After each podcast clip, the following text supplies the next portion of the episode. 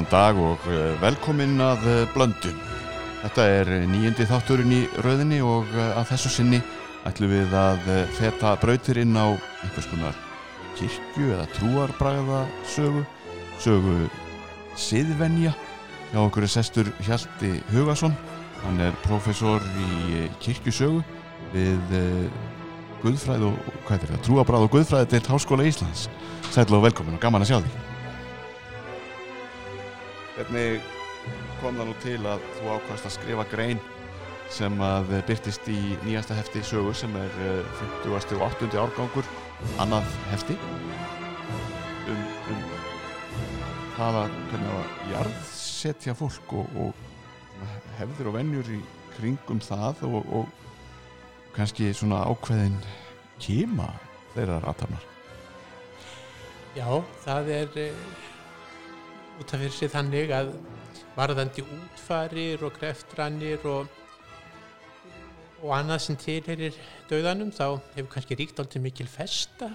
og uh, breytingar kannski ekki verið stórvægilegar frá því að kristni rutti sér til rúms hér á landi og fram á þennan dag. Fólk hefur verið grafið í kirkjugörðum kirkjunar og, og þar kvílir öll sveitin eh, á einum og sama stað. En svo gerist það allt í einu í lok 19. aldar að, eh, að það fyrir að reyðja sér til rúms eh, áhugi fyrir því að, að kvíla nú ekki lengur í, í þessum sameigilega kirkjugarði heldur heima á bæjónum, taka upp svo kallaða heimagræðriti og þetta er vísna stór breyting svona á þúsund ára guamalli siðvenju sem hafi tíkast í landinu þannig að ég hafði lengi haft svona eh, áhuga fyrir þessu fyrirbæri heimagræðritunum sem maður sér ef maður ferðast um landið. Þá, þá, blasir þetta við viðan frá þjóðveginum og eh, ja, þetta fyrirbæri döiðin heima fyrir það hefði heillað mitt alltíð og, og eh, það endaði með því að settist niður og, og fór að kanna þetta niður í kjölinn Einmitt, um, og í greininni sem að ber heitið uh, átökjunum útföruna, þú byrjar á því að svona uh, reykja aðeins uh, greftrunar siði bara frá landnámi um, og, en, en greinir svo frá því að hérna undir lók 19. aldar um, fari heima grefreitir að riðja sér rúms, var það ekki leirarreppi fyrst um, og til hvers rekkur þetta þessa, þessa nýju venju? Það er kannski svolítið erfitt að finna ég var að segja frum ástæðuna fyrir því að, að þessi ósk kom fram frá bonda og refstjóra og fiskilæk í borgarfyrði að, að fá að kvíla heima. Hann óskar sem sagt eftir þessu 1878 í mann rétt að, stopna þennan fyrsta heimagrafri landsins og hann rekst yfir þessa ósk sína ekkert uh, sérstaklega og það kemur í ljós að þetta kemur yfirvöldum pínulítið og opna skjöldu á þessum tíma störfiðu svo kvöldu stifts yfirvöld og það var sem sagt eh, biskup og amtmaður í Suðramtinu og þeir funda um þetta og, og skrifa áfram til landsöðingja og uh, þetta kemur þeim öllum og óvart. Til að tala um að þetta sé sérstök og, og einkennlu ósk og, en það sé svo sem ekkit við en að aðtuga frá til dæmis kirkjulegu sjónarmiði og, og það sé sjálfsagt bara leifa manninum þetta og uh, afgreiða umsóknina frá sér og til ráðherra í Íslandsmála í Kaupmannahöfn og þar með konungs hvort að þetta leifi skuli veitt og það er veitt. Nú uh, vegna þess að þetta kemur yfirvöldum svona óvart þá færi þessi fyrsta umsókn svona til vandaða meðferð getur maður kannski sagt og, en, en það kemur hverki fram svona neinn rök, raukstuðningur frá hálfu umsækjandans nýja endilega sterkar mógubárur frá yfirvöldum þannig að þetta gengur svona tilturlega smurt fyrir sig. Það komið þeim nægilega vel óvart. Já, en en þó má kannski segja það að, að það þarf ekki að fara langt til þess að finna fyrirmyndir. Mm -hmm. meðal aðalsmanna allavega í, í Danmörku og á Norðurlöndunum þá þá hafði það tíðkast að menn höfðu kannski kapellur heima við, höfðu verið grafnir þar svona í gegnum tíðina. En þá er ég að tala um sem sagt þetta þennan háaðal sem að var náttúrulega ekki hver sem var Nú uh, í Noregi þá er þessi sami síður að riðja sér til rúms um svipa leiti og, og, og þar eru það líka svona kannski aðall og, og meiri háttar bændur sem bera sig eftir þessu. Að því að nefnir Noregi þá má benda á það, það er náttúrulega mikill munur og íbúafjölda á Íslandi og Noregi, líklega kringum 25 faldur á þessum tíma en heimagrafleitinir urðu álíka margir í þessum tveim löndum þannig að við sjáum hvað áhugin er miklu meiri hér. Þannig að má segja kannski að svona hlutvarslega og í þessari tengslu þessar frægu höðatölu þá sé þeir 20 til 25 sinum fleiri. Já, já, já. Og, og það vekur svolítið aðtegli en uh, það er njúmislið sem skýrir það. En það er enginn sem bendir á þessar fyrirmyndir eða eitthvað þess að þannig að ég veit svo sem ekkert hver, hvert uh, bóndin á fiskilæk sótti sínar hugmyndir. Þetta er mjög áhugavert en tengis þetta þá kannski þessum frjálsræðis hugmyndum manna á setni hluta 19. aldar? Þetta tengist ímsum hugmyndum sem voru að reyða sér til rúms á þessu tímabili og uh, svona áður en ég settist niður þá reiknaði ég nú kannski með að fá þarna spennandi uh, vísbendingar um já, hugsanlega einhvers konar spennu í íslenska samfélaginu eða uh, eða íslenskri kristni ef við getum orðaða þannig að þetta hafi verið einhvers konar frjálslindis reyfing, einhvers konar rótækni reyfing þar sem menn voru svona til meðvitað að snúa frá kirkjulegum síðum en uh, niðurstöðunar eru kannski hefur að segja svolítið öðruvísi heldur en ég hefði gert ráð fyrir. Pínlítið veraldleri það er að sjá svo að þetta sé svona um, trúarleg byrtingarmynd kannski á uh, bændarhefingunni sem var að vaksa fram á þessu tímubili og, og þetta sé svona reyfing meðal bænda sem að uh, byrtist með þessum hætti. En um svipaleiti var til dæmis fyrsta borgaralega hjónavíkslan á Íslandi kom mörgum á orð Jú, vissulega og, og það sem ber náttúrulega hafi í huga það er að við erum þarna á fyrstu árum trúfrelsis í landinu þar sem að uh, nýja stjórnarskráin frá 1874 uh, var sem sagt að, að hvað ég var að segja, auka frjálsræði fólks í trúarefnum og, og koma því til leiðar að, að það var hægt að velja í mislegt annað heldur en bara hér kirkjulega og uh, þannig að uh, þess vegna hafði ég tengt þetta pínlítið mikið við aukið trúarlegt frjálsræði. En uh, maður rekur sig á það að með mörgum umsóknum sem fara svo að berast til yfirvalda þarna í kjölfari þá, þá er tekið sérstaklega fram að, að umsækjandunni séu guðrætt fólk og, og virði kirkjuna og síði hennar og það ber ekki að skoða þetta sem einhvers konar uppreist í því efni. Að, og, og þetta eru bref sem satt frá próföstum, sóknarprestum jáfnveil sóknarnemdum sem eru svona að, að styrkja umsækjendur í þessari viðleitni sinni. Og, og það sýnir að, að þetta svona kallaði ekki fram meiri hátar trúarlega eða guðfræðilega spennu nema á þröngt hafmörkuðum tímabilum. Þá, þá sagði hún líka til sín. Og þess vegna tala ég þarna um átökinum útförina. Að því að, að þetta allir líka andstöðu. Það er alveg ljóst.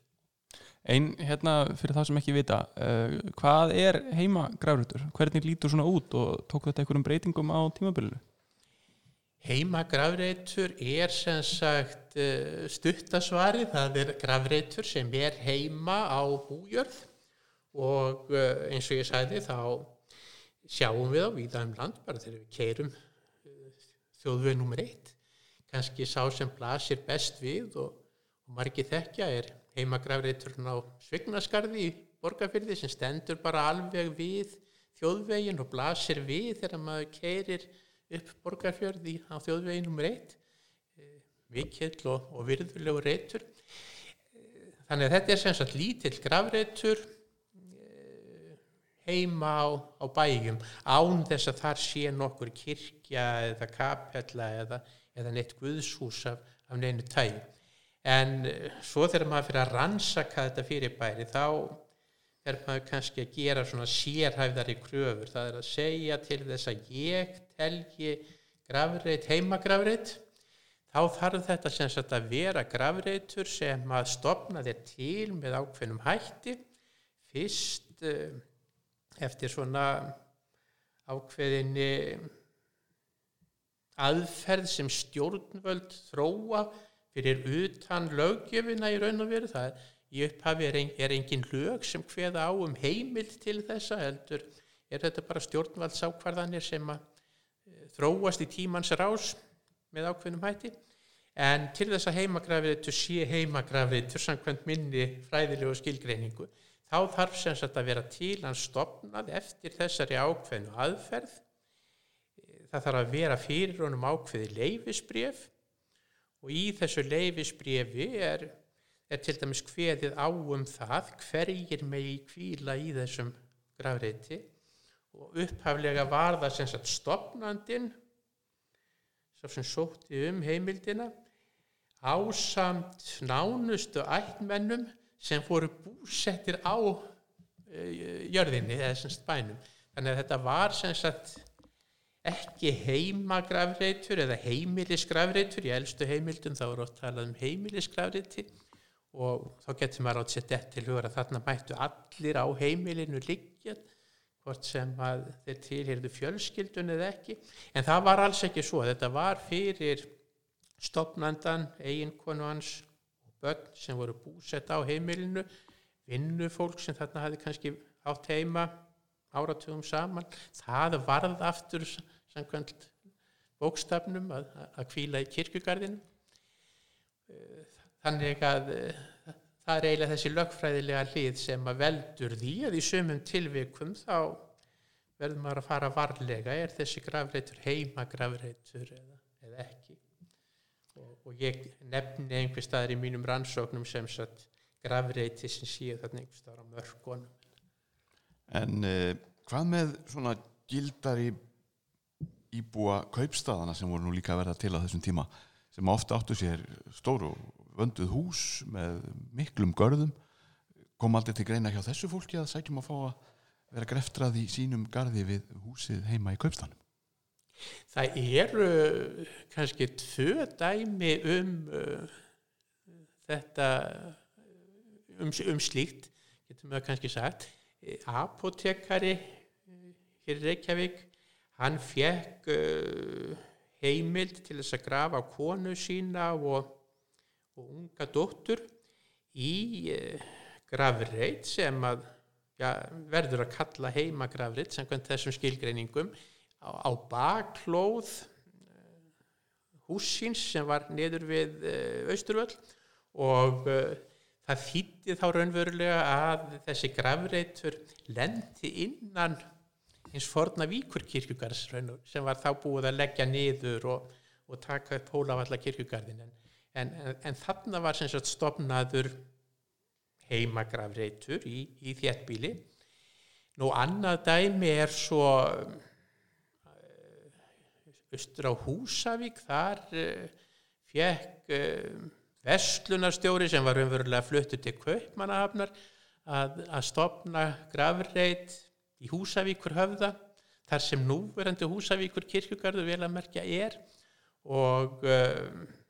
af því hann langaði til að kvíla á Íslandi og þeim stað þar sem hann hafði eitt bestu árum sínum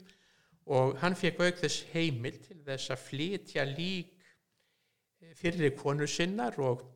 og barna þeirra e, úr kirkjugarði Húsavíkur og í þennan grafreit. Og, og eiginlega í kjölfar þessa heimagrafreiti komu til þá upphóðust svolítið líkflutningar úr kirkjugörðum og í heimagrafreiti og svo kom jáfnvel fyrir að fólk væri flutt úr heimagrafreitum og í e, kirkjugarða þannig að það hefði ekki allir leið kyrrir eftir döðan en en, eh, en þannig eru dæmi um þetta. En eh, ég held að eh, heimakræðin séu hins vegar hluti af ákveðinu bændamenningu sem ekki hafi ég haft hljómgrunn í þéttbíli en svo þegar ég farið að berjast gegn þessu fyrirbæri fyrir alvöru þá er þetta aftur notað sem rök að, og sagt því að það er ekkit meiri ástæða til þess að leifa bændum að, að grafa ástfinni sína heima fyrir heldur en bara að leifa kaupstæðabúum að uh, koma fyrir ösku ástfinna sinna í blómabjöðum eða, eða görðum sínum. Þetta er einmitt umræða sem við ætlum að taka svona þegar líður á nútíman af því að nú kemur alltaf upp af og til umræða um uh, hvernig eigi nú að bera sig að við það að geima líkamsleifar ástvinna sína uh, fólk er farið að tala um það að það vilji nú ekki taka mikið pláss af takmörkuðum gæðum jarðarinnar með því að láta hóla sér niður í kirkjugarði. Vil ég freka verið einhversta annan stað en þetta tökum við allt saman svona undir lokin Hjalti Hugason. Já, um, en þú myndist á aðan að það hefði verið, svona, hefði verið ákveðin andstaða við þetta innan uh, þjóðkirkjunar til dæmis. Hvað í hverju fólst hún? Það eru sérstaklega tveir biskupar sem að beita sér gegn þessu. Það er að segja, við getum kannski sagt að, að allir biskupar á þessu tímabili frá því kringum 1880 og fram til kringum 1960 þegar þetta er bannað, þeir eru svona heldur á bremsunni en líta á þetta sem já, óæskilegt fyrirbæri og uh, telja að það sé að þeim berir umverulega bara skilda til að uh, kannski ekki hafna einstökum umsóknum. Þessar umsóknir voru alltaf sendar biskupum til umsagnar og þeir eru kannski ekki að leggjast gegn einstökum umsóknum en, en hamra alltaf á því að eigilega síðu nú á móti þessu og það beri að stilla þessu í hóf. Og uh, og það sem að biskupannir eru þá að leggja aðal áherslu á það er að þetta muni sem sagt uh, leiða til þess að kirkjugorðum sóknana verði sínd uh, minni rættarsemi heldur náður það er að segja fleiri og fleiri missi áhugan fyrir að kvíla þar og vilji frekar kvíla heima og það leiði svo til þess að bæði umönnun og, og gjöld til kirkjugarðana innheimtist síður og umönnun verði verri og, uh, og þetta munir svona íta undir uh, niggunun á sviði útfarar menningar, það er oft talað um útfarar menningu og þá er átt við það að kirkjugarðarnir séu svona uh, snirtilegir og vel við haldið og, og jáfnvel svona einhver vissleg ofinber rými.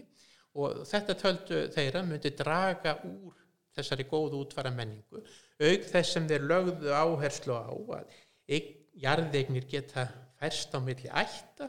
og þar með skapist vandamál vegna þess að ný ætt á þessari bújörð hafði ekki heimil til þess að nota heimagrafreitin. Þetta var grafreitur annarar ættar. Nú eða jarðir legðust í eyði og þá myndi þessum gröfum mjög raka og, og það yrði enginn sem annaðist þær og, og þetta yrðu bara einhvers konar ósnýrtileg kuml sem væru engum til sóma. Þannig að það, þetta er eitt svona fagurfræðin getur við kannski sagt. En þetta er rauk sem stangast samt svo lítið á vegna þess að þeir hafa ágjör af því að, að það, þessir grafritir, heimagrafritinir lendi í órækt og á sama tíma að allir aðrir kirkjugarðar gerir það líka er þetta ekki óþarfa áhyggjur svona þegar þú skoðar þetta í baksínispeklinum Hjalti? Það var það nú kannski ekki á þessum tíma vegna þess að e, það virðist hafa verið svo að, að kirkjugarðarnir hafi víða verið í mikilli niðurnýðslu þeim yrðingum hafi ekki verið viðhaldið. Það var alls ekki venja gróðusettjan einn trí eða neitt þess að það á, á gröfum hér áður fyrir og, eh, og vandamálið svona í byrjun 20. aldar virðist hafa verið svona til almennt hyrðuleysi þannig að við getum kannski sagt nei þetta er ekki mótsögn vegna þess að á sama tíma voru þeir að reyna að, að segja, auka veg kirkjugarðana og vekja fólk til umhugsunar um það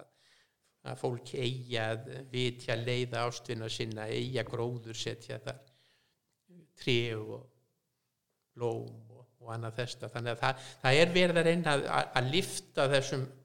kultúr öllum saman upp á e, svolítið hærra stig. Þannig að ég heldur að hafi verið sæmilega sjálfum sér samkvæmir í þessu.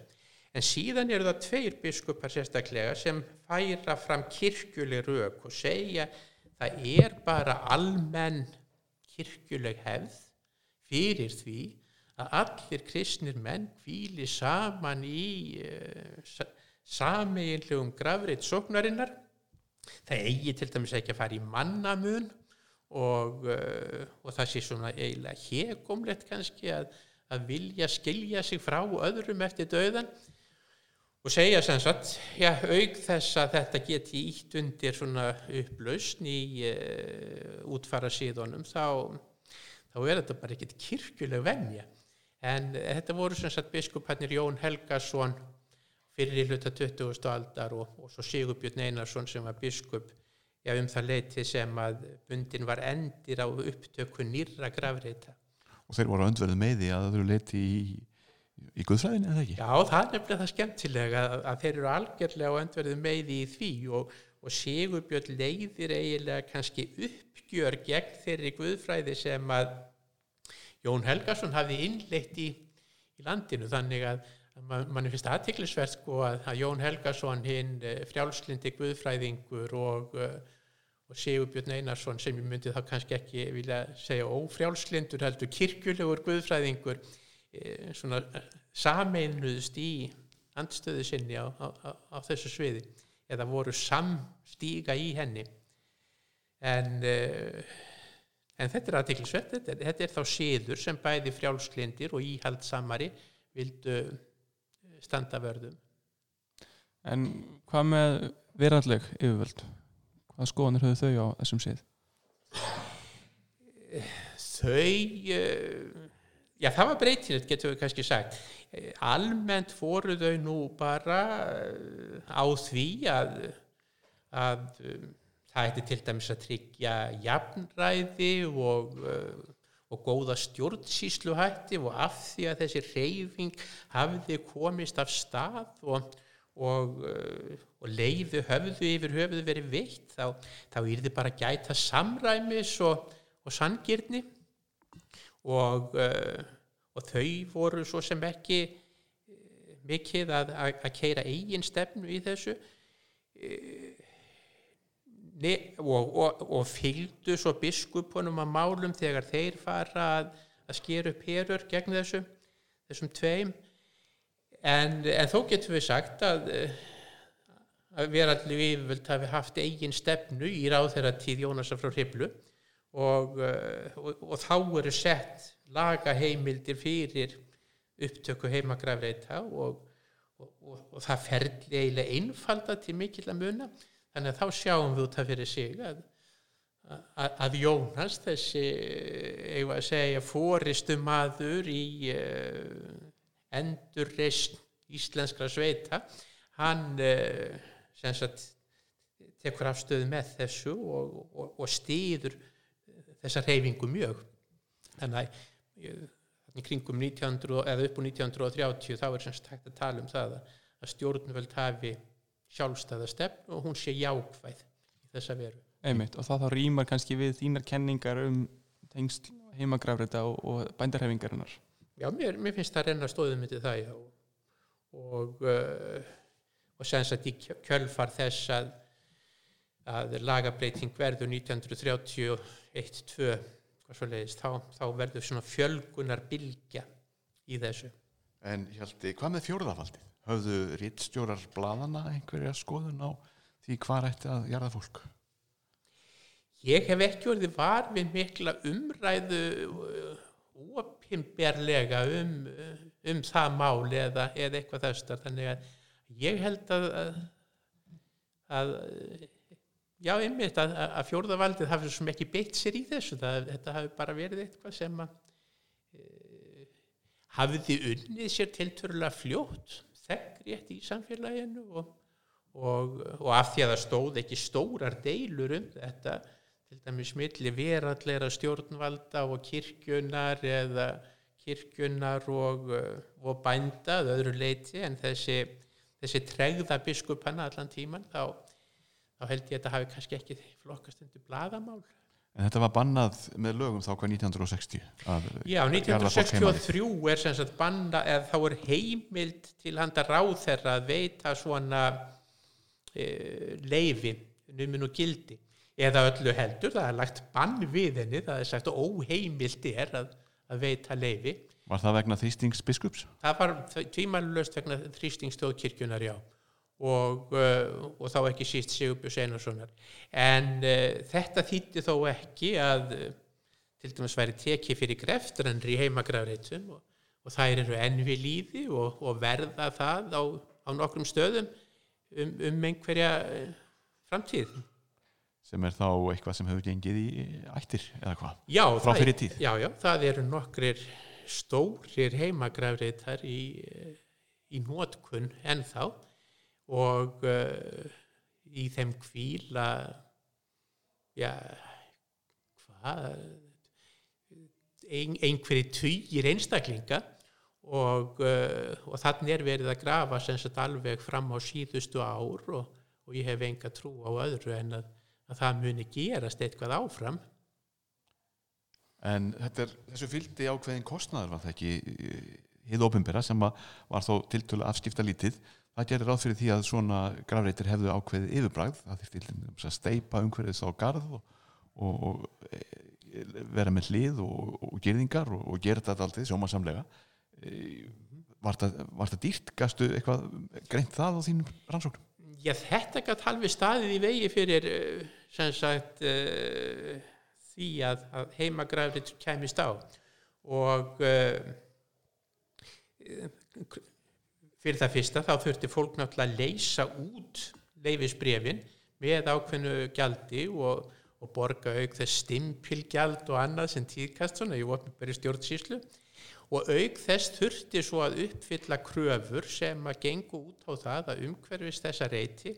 skildu vera steinstiftir veggir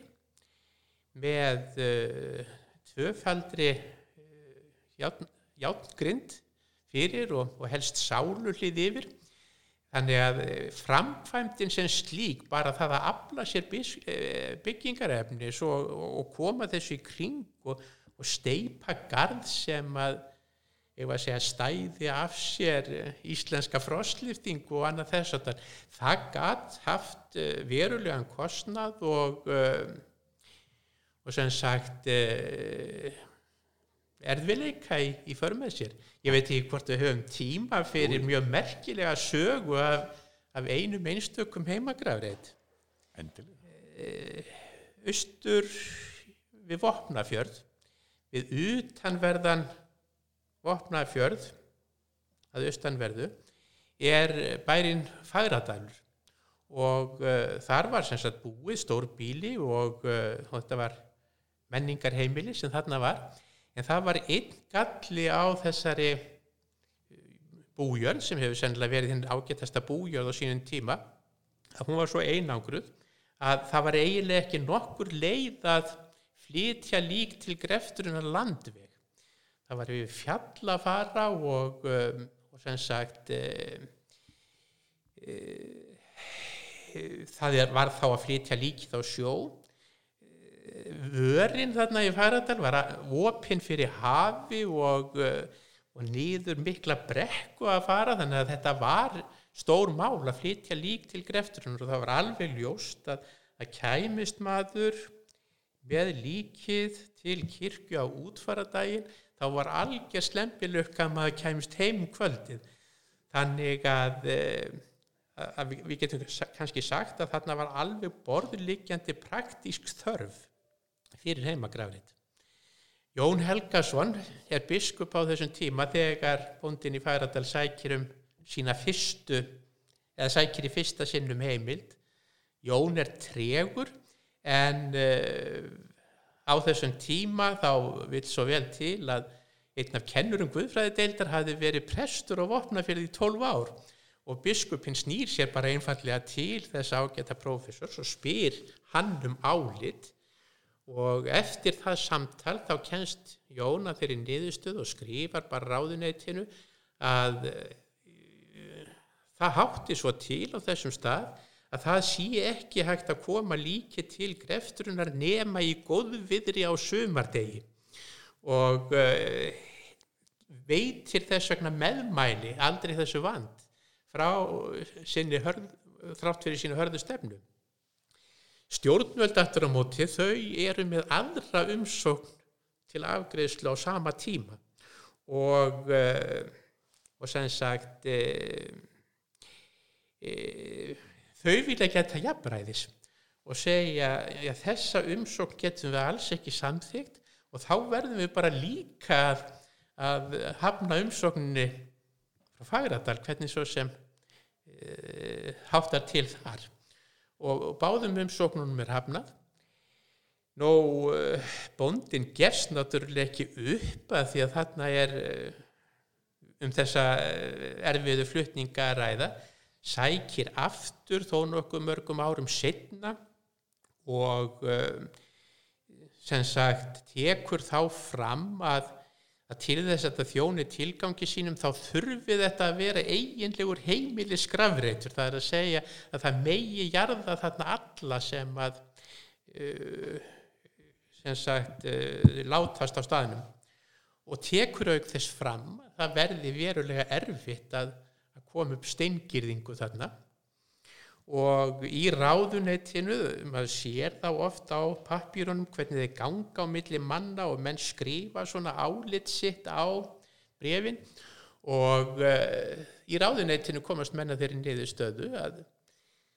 að það verði að veita þessar undan þáur og, uh, og, og ennbætismennin mæla semst með því að þarna verði einföld girðing og, og allir fá að kvíla þarna. En þegar þetta fyrir gegnum kerfið þá er engin tilslökun gefin og leifið veitt á alveg sömu forsendum og áður sem verður til þess að bondi skilar því, hafnar, hafnar þessu. Síðan þegar hann deyr svo lók sjálfur sækir ekkanum uh, heimild og, og í þriðja skiptið fæst þetta í gegn. Þetta er sem sagt dæmi um það hversu torveld þetta ferð líka tverið þó það væri alveg borðileggjandi að, að eiginlega var það ekki vinnandi vegur við ríkjandi aðstæður að, að, að halda í okkar gömlu útfararhefð. Segir Hjalti Hugason, professor í kirkjusögu við Háskólu Íslands, Markus Þóraldsson og Jón Kristinn Einarsson ræða við hann við ætlum að halda áfram þessu spjalli um átökin um útfarirnar eða útförina eftir andartak.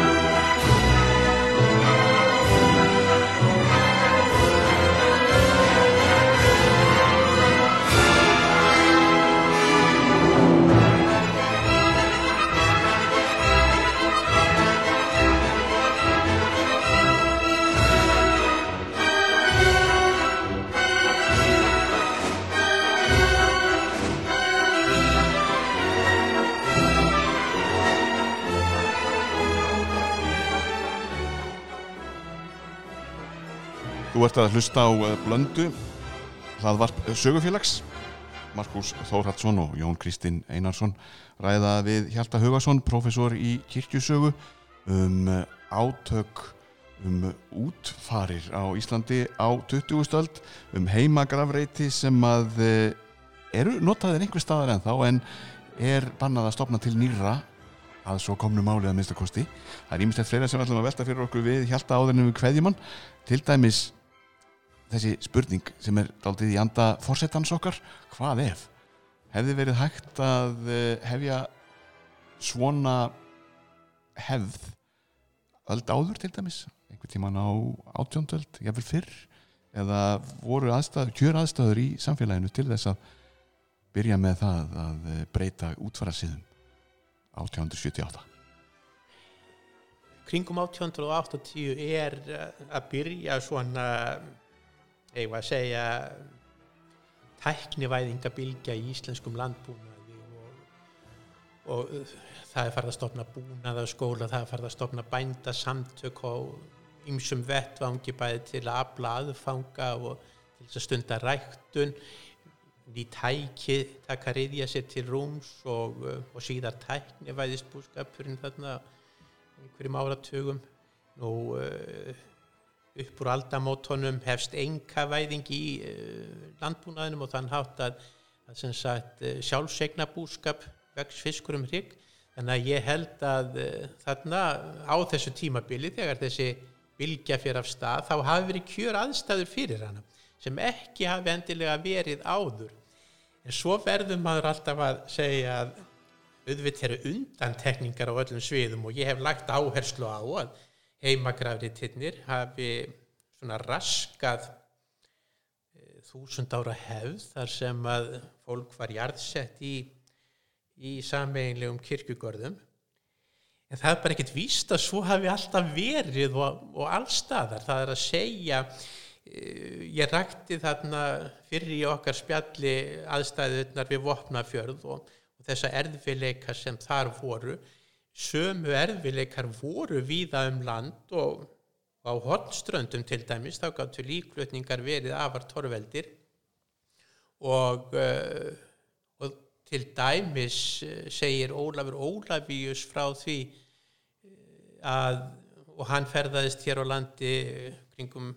1770 eða þar um byl að, að, að hotni í Hotnvík þá hafa hann séð grafreit sem að uh, uh, það sem voru eina nýju grafir held ég. Einn þeirra snýr ekki austur og vestur heldur norður og söður og, og, og eitthvað þessar en, en þessi grafreitur á samkvæmt uh, hans sögn að, að hafa verið vígður. Og, og þetta er þá í praxís kannski forn heimagrafreitur sem hefur verið þá tekin upp vegna mjög erfiðir aðstæðina á staðinum og uh, en hins vegar ekki staðist þá lagalegu skilgreiningu sem að ég tek líka inn í myndina til þess að skilgreina þetta hugtak í, í uh, mínum skrifum. Þannig að uh, ég held að við kannski ættum að halda því svolítið opnu hvort það get ekki verið á nokkrum stöðum á landinu að það séu svona grafreitir sem litlu með engum sögum fer af og, en hafi verið notaðir ekki kannski þannig að allir sem hafi látist á einhverjum ákveðnum stað hafi verið grafnir þar heldur þegar illa stóð á þegar eh, heimilin, heimili verið misstór og og það gat fyrir litlu afskektu heimili algjörlega ofið að koma af sér líki til kirkju. Þannig að í slíkun tilvikum kunna að hafa verið stundadar heimagreftrannir í, í einhverju mæli. En það verður rákaflega erfitt að, að kortleggja það eða grafi upp heimildir um það því það hefur uglust verið gert svona án mikill að opimbera skrifa. En, en við skulum ekki útiloka það Einmitt. Um, eitt sem við myndumst á hérna í byrjun var uh, hversu margir þessir heimagræfriður í Íslandi voru hlutvarslega miða við okkar nákvæmnaríki. Uh, kantu einhverjar skýringar á því? Er þetta bara eins og venjulega? Íslandingar eru eins og stara sveimur og eitt beir til vinstir þá, þá beigja allir eða hvað? Já það, já, það kann að vera ymsar skýringar á þessu í raun og veru og uh, og þegar við tölum um fjöldan þá er kannski líka gaman að taka inn dreifinguna um landið sko því þetta er mjög mísjáft eftir héröðum. Og ég til dæmis eifyrðingur og uh, þar í sveit eru bara fjórir heimagrafriðtir í öllum hínum síslunum norðanlands eru þeir millir 15 og 20 og uh, austur, á, eh, austur í Múlasíslunum þá uh, skiptu þeir alveg tugum. Þar var uh, þar voru þeir flestir og, og þá voru jafnvel kirkjusóknir þar sem var nánast heimagrafrið frá hverjum bæ. Og, uh, og að einhverju leiti hefur það verið þannig að það hefur myndast tíska eða tilneying í, í sumum sveitum að, að koma sér upp heimagrafrið yfirvöld reynda bregðast við því stundum að eiginlega veita undan þá og spyrja ég er ekki ágætt í staðin fyrir að stopna hérna heimagrafreit. Við hlýðin á heimagrafreit að, að því fáið bara heimil til þess að grafa viðkomandi þar. Þannig að það er farið að samýta grafreiti pínulítið en, en í undantekningatilvikum og grundvelli sérstakra leifa þannig að, eh, að það var alltaf svona eh, reynd að standa á bremsunni. En mér hefur tekist best að, að skýra eigum að segja minnst að kosti staðbundin fjölda og, og þéttleika heimagrafreita með því að þar hafi spilað saman e, svona praktísk vandamál og svo svona þessi tíska í sveitinni. Og það má til dæmis nefna kirkjustaðaustur í fellum þar sem að uh, kirkjugarðurinn var orðin út grafin sem kallað er, það var bara ekki pláss fyrir fleiri og það, það háttaði ekki þannig til að væri hægt að stækka kirkjugarðin á sama stað heldur að fundi nýtt kirkjugarðstæði á, á sömu jörð. Og þegar átt að grafa þar í fyrsta skipti þá væntanlega búið að girða reytina af og, og undirbúa undir grefturinn einhverju leit, það kemur bara í ljósa grunnvattstaðan er, er þannig að, að þetta svæði kemur bara ekki til greina, það er ekki hægt að grafa þannig að allt fara á flót og, og, uh, og þar með er þessi framkvæmt fyrir bí og, og vandin er þá leistur með því að stopna heimagrafreiti og, og finna svo nýjan stað fyrir kirkjugarð. En þegar hann er komin upp þá þá er þetta bara orðin tíska og menn halda í þetta og, það verður heimagrafrið svo að segja hverju jörð svolítið svip hafði átti sér stað í jökulsárlíðinni þarna í sömu síslu að, eh, að þar þurfti eiginlega að flytja líkin yfir jökulsá og brú og,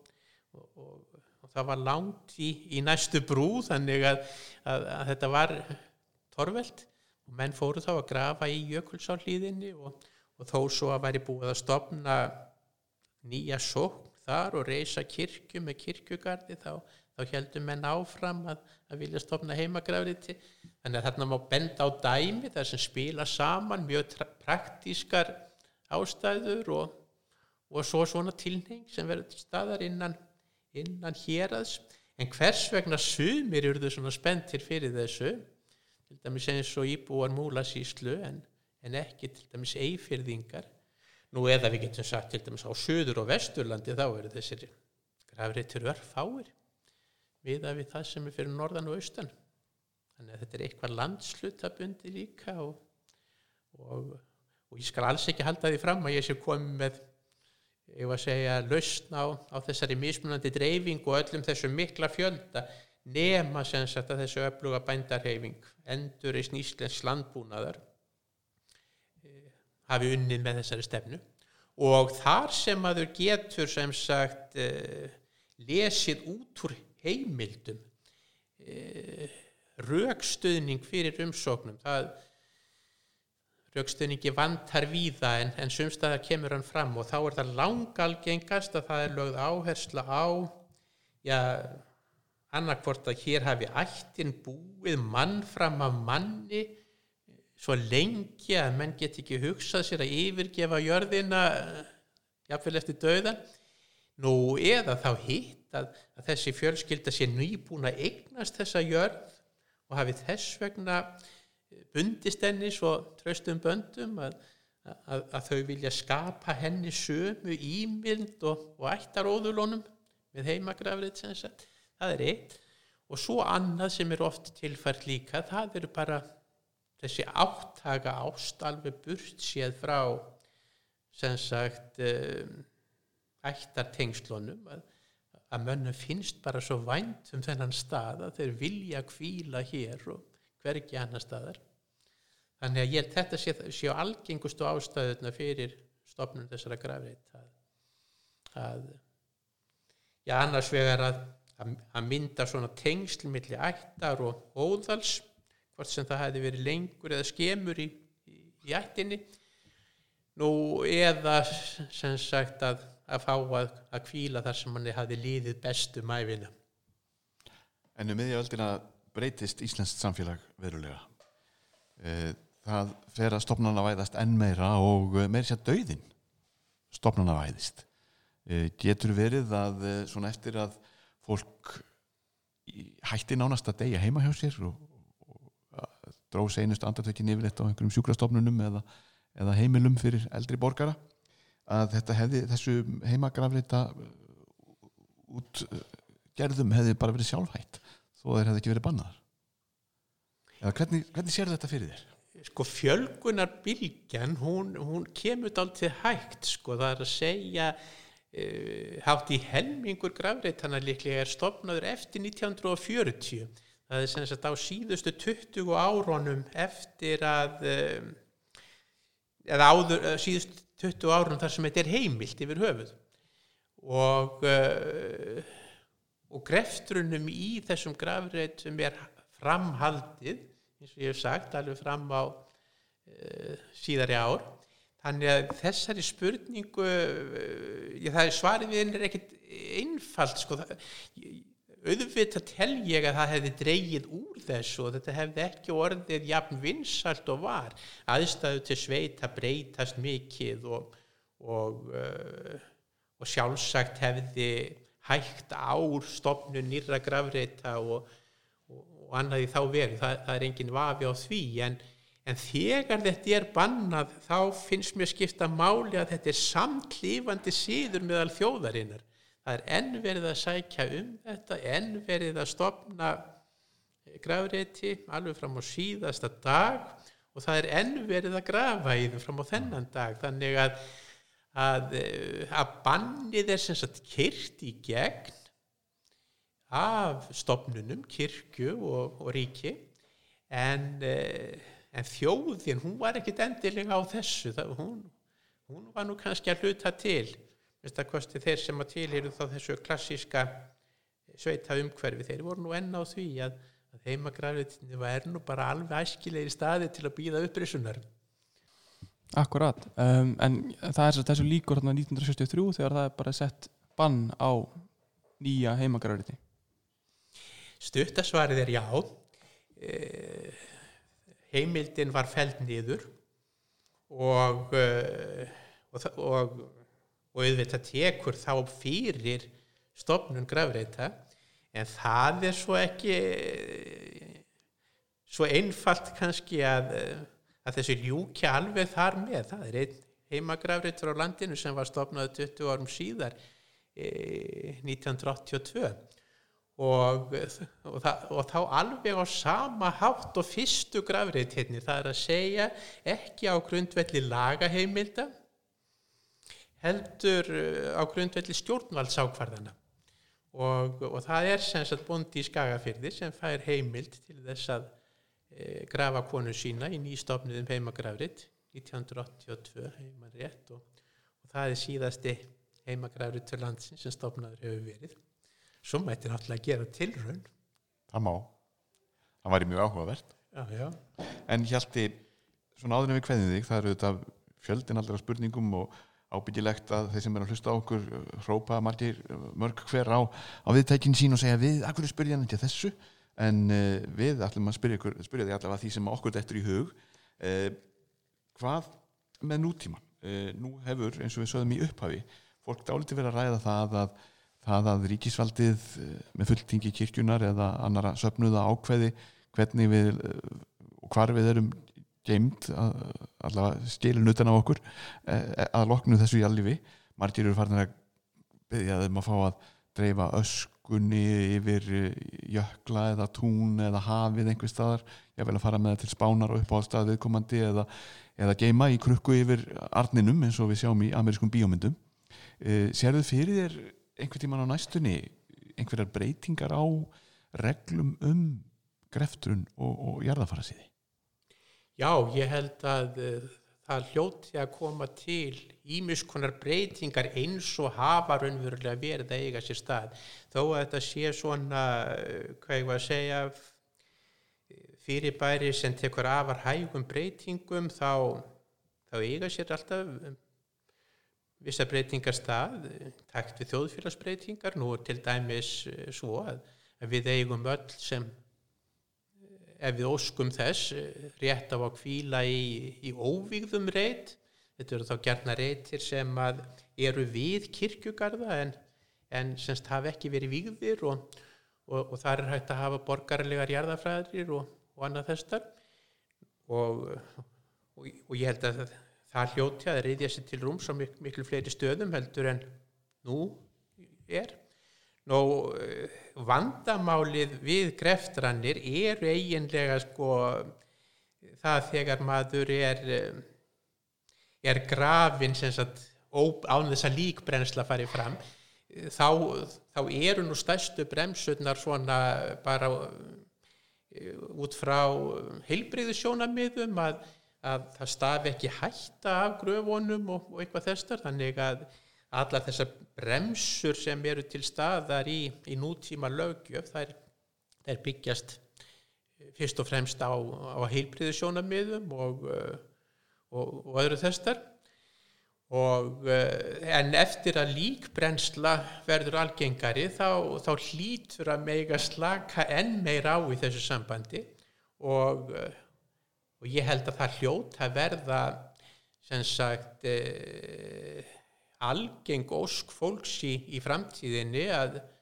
já, til dæmis fá að saminast náttúrin og einhvern þann hátt sem þú lístir á þann og, og uh, Já, verður að láta stjóta sér út í geimi Já,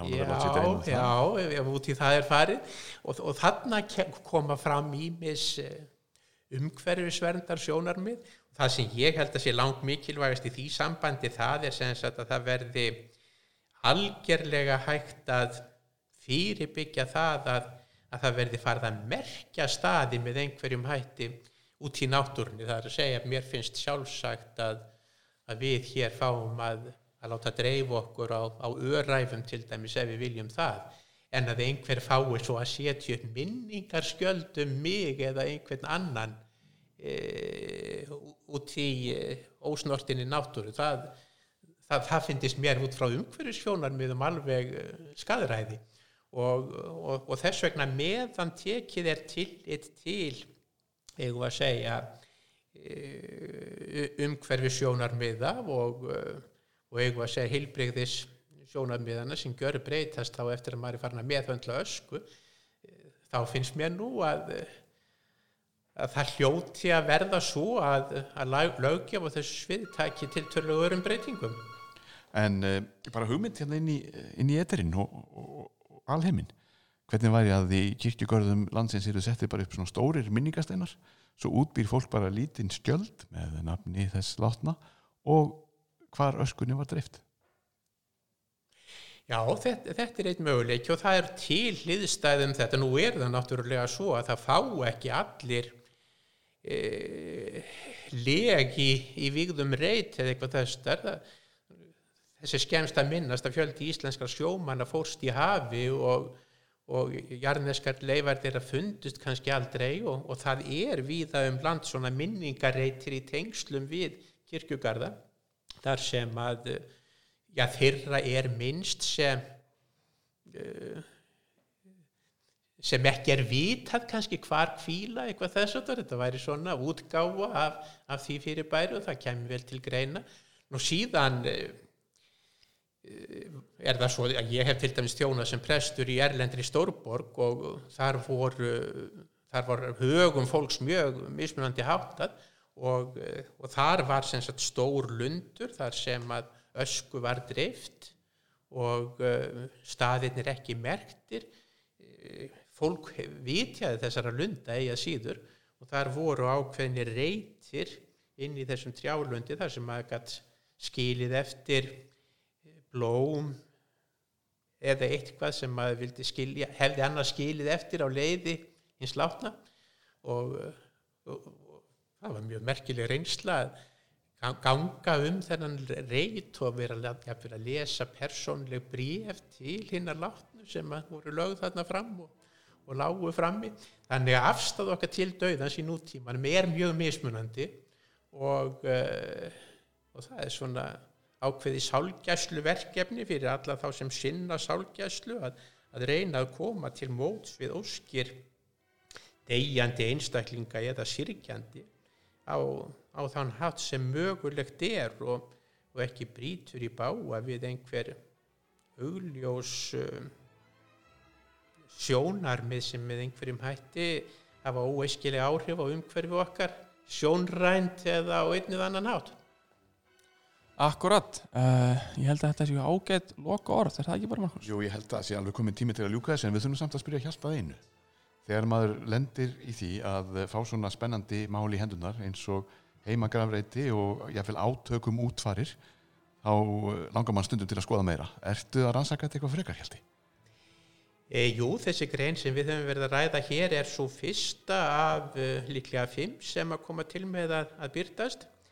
E, ein verður svona dálítið sérhæð svipað og, og þessi grein og mun, mun þá fjalla um þær ástæður sem hægt er að lesa út úr heimildum uh, um hvers vegna þessi eða hinn einstaklingurinn óskaði eftir að, að fá að taka upp heimagrafrið og það er sem sagt þá enn frekari tilraun til þess að grafast fyrir um, um þessar ástæður og svo er svona greina seria sem, þar sem fyrsta greinin er þegar komin út og tvær munu fylgja í kjölfari þar sem ég reynir svona nánast þjóðháttafræðilega bara eiginlega að lýsa upphafið þróun og endalokum þessa síðar fjalla um uh, já eiginlega uh, þetta fyrirbæri út frá já, öllum þeim sjónarhóttnum sem mér duttu í hug. En, en þessi rannsókn hefur verið mjög spennandi sko, það, það var langt séðan ég hefði unnið á, á söfnum með frum heimildir og datt svo bara nýður í skjalapakka með uh, hundruðum brefa um þetta efni. Ég var alveg eins og bann í leikfangakassa. Þetta var svo spennandi og heillandi og dróst inn í þetta og, og vissi ekki hvenar ég kæmist út. Eins og sagfræðin er, Jón Kristinn Einarsson, Markus Þóraldsson kveðja og við ætlum að þakka Hjalta Hugasinni, professor í eh, kirkjusögu við Háskóla Íslands. Kærlega fyrir það að fara með okkur í örlítið ferðalag um grefturnar siði á 20. öld og eh, átökinum útförina sem að lesa máum í hausthefti sögu 2020. En uh, hlustendur góðir, við þakkum ykkur fyrir að hlýða á orð okkar og, og Hjalta. Við verðum hér á, að blanda einhverju skemmtur með ykkur fljótlega aftur. Við kveðjum að sinni, verðið sæl. うん。